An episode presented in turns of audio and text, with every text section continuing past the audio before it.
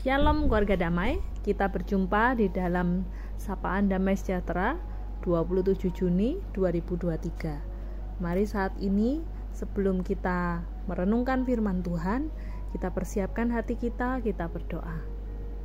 Tuhan Allah Bapa kami, kami bersyukur jikalau pada hari ini kami boleh kembali Tuhan membuka hati kami untuk diisi oleh firman Tuhan.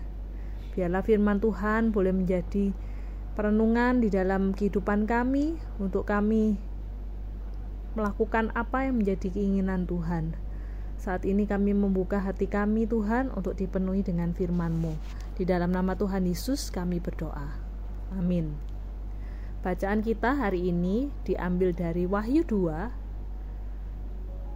ayat 8 hingga ayatnya yang ke-11. Wahyu 2 ayat 8 hingga 11 kepada jemaat di Smyrna. Dan tuliskanlah kepada malaikat jemaat di Smyrna, inilah firman dari yang awal dan yang akhir, yang telah mati dan hidup kembali. Aku tahu kesusahanmu dan kemiskinanmu, namun engkau kaya dan fitnah mereka yang menyebut dirinya orang Yahudi, tetapi yang sebenarnya tidak demikian. Sebaliknya mereka adalah jemaah iblis. Jangan takut terhadap apa yang harus engkau derita, Sesungguhnya iblis akan melemparkan beberapa orang dari antaramu ke dalam penjara, supaya kamu dicobai dan kamu akan beroleh kesusahan selama sepuluh hari. Hendaklah engkau setia sampai mati, dan aku akan mengaruniakan kepadamu mahkota kehidupan. Siapa bertelinga, hendaklah ia mendengarkan apa yang dikatakan roh kepada jemaat-jemaat. Barang siapa menang, ia tidak akan menderita apa-apa oleh kematian yang kedua. Sedemikian jauh pembacaan kita pada hari ini. Keluarga damai dikasih dalam Tuhan. Sebuah kabar diberikan kepada jemaat di Efesus. Di mana jemaat di Efesus menerima pujian dan juga teguran. Namun yang unik sebuah surat yang disampaikan kepada jemaat di Smyrna. Jemaat Smyrna ini bukan mendapatkan sebuah pujian ataupun teguran. Yang ada adalah sebuah pengakuan bahwa mereka memang sedang berada di dalam kesusahan dan kemiskinan dan juga mereka sedang mengalami fitnahan. Seperti yang dicatat di dalam ayat yang ke-9 yang berkata bahwa Aku tahu kesusahanmu dan kemiskinanmu, namun engkau kaya dan fitnah mereka yang menyebut dirinya orang Yahudi tetapi yang sebenarnya tidak demikian. Sebaliknya mereka adalah jemaat iblis. Jadi kondisi dari jemaat Smyrna waktu itu mereka selain mengalami kesusahan, kemiskinan, mereka juga difitnah oleh orang-orang yang anti pada gereja, bahkan aliran sesat. Jadi jemaat Smyrna ini sedang mengalami kondisi yang tidak enak, warga damai. Nah, pengakuan itu bisa saja diterima sebagai apresiasi yang seharusnya ditambahi dengan penghiburan seperti yang tertulis di dalam ayat berikutnya tentang jangan takut. Namun, ternyata penghiburan itu tidak serta-merta menghentikan e, menjadi penghiburan untuk menghentikan kesusahan dan penderitaan mereka. Justru kata-kata berikutnya membawa kabar buruk bagi mereka, yaitu akan adanya penderitaan yang akan mereka alami.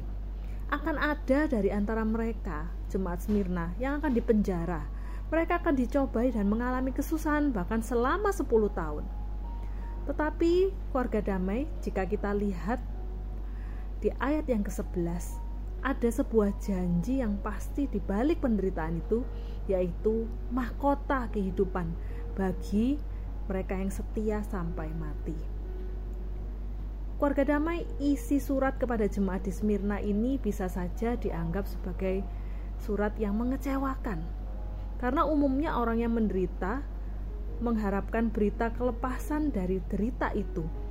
Sayangnya mereka justru mendapatkan berita buruk, yaitu penderitaan lebih lanjut yang akan mereka alami. Betapa ini merupakan sebuah berita yang mengecewakan.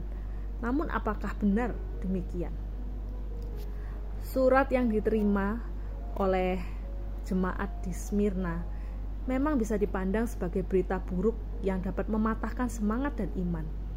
Namun, keluarga damai, di saat yang sama, sebenarnya berita buruk itu bisa diterima sebagai sebuah peringatan untuk jemaat mengantisipasi terlebih dahulu atau mereka sudah bisa waspada terlebih dahulu terhadap hal-hal yang akan terjadi.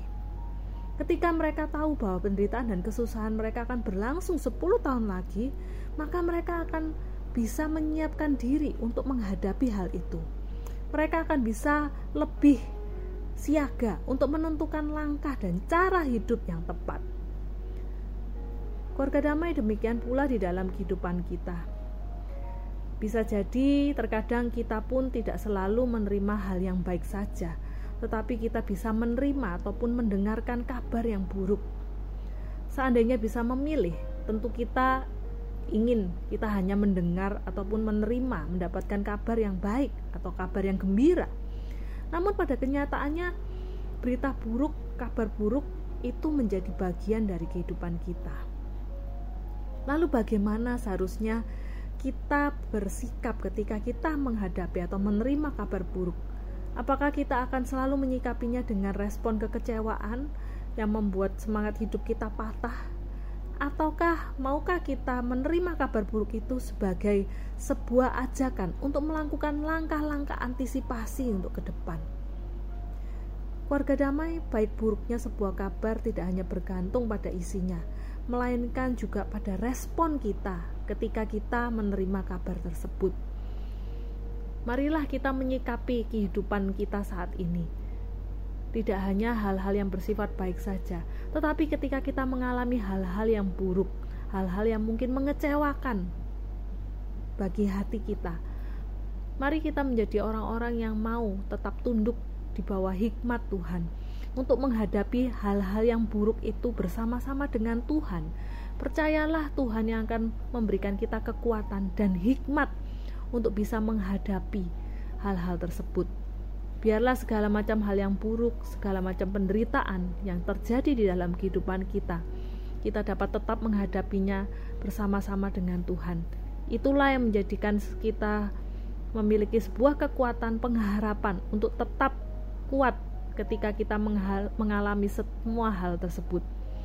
Dan biarlah hidup kita tetap dapat menjadi orang-orang yang setia, berkomitmen di dalam mengikut Tuhan, sekalipun ketika kita harus menghadapi begitu banyak hal-hal yang buruk di dalam kehidupan kita. Amin. Mari kita berdoa. Tuhan Allah Bapa kami, kami bersyukur melalui firman-Mu kembali kami diingatkan untuk hidup seturut dengan kehendak-Mu ya Tuhan untuk kami tidak menjadi orang-orang yang mau menerima hal-hal yang baik saja, tetapi ketika hal-hal yang buruk mungkin terjadi di dalam kehidupan kami, kami mau memandangnya dari kacamata iman bersama dengan Tuhan. Tidak hanya sekedar mengandalkan kekuatan pemikiran kami yang lemah ini, Tuhan, maka ketika kami hanya mengandalkan kekuatan kami sendiri, kami tahu kami akan mudah putus asa, hilang pengharapan. Tetapi biarlah kami sungguh-sungguh boleh menghadapinya bersama-sama dengan Tuhan. Setiap hal yang buruk yang terjadi, biarlah kami boleh tetap kuat di dalam Tuhan. Dan kami percaya bahkan Tuhan pun sanggup mengubahnya itu menjadi kebaikan ketika kami tetap menjadi anak-anak Tuhan yang setia dan menjalani semua itu bersama-sama dengan Tuhan. Tuhan inilah yang menjadi kerinduan kami. Kami menyerahkan keseluruhan hidup kami segala hal yang baik, segala hal yang buruk tetap berada di dalam anugerah Tuhan. Di dalam nama Tuhan Yesus kami berdoa. Amin.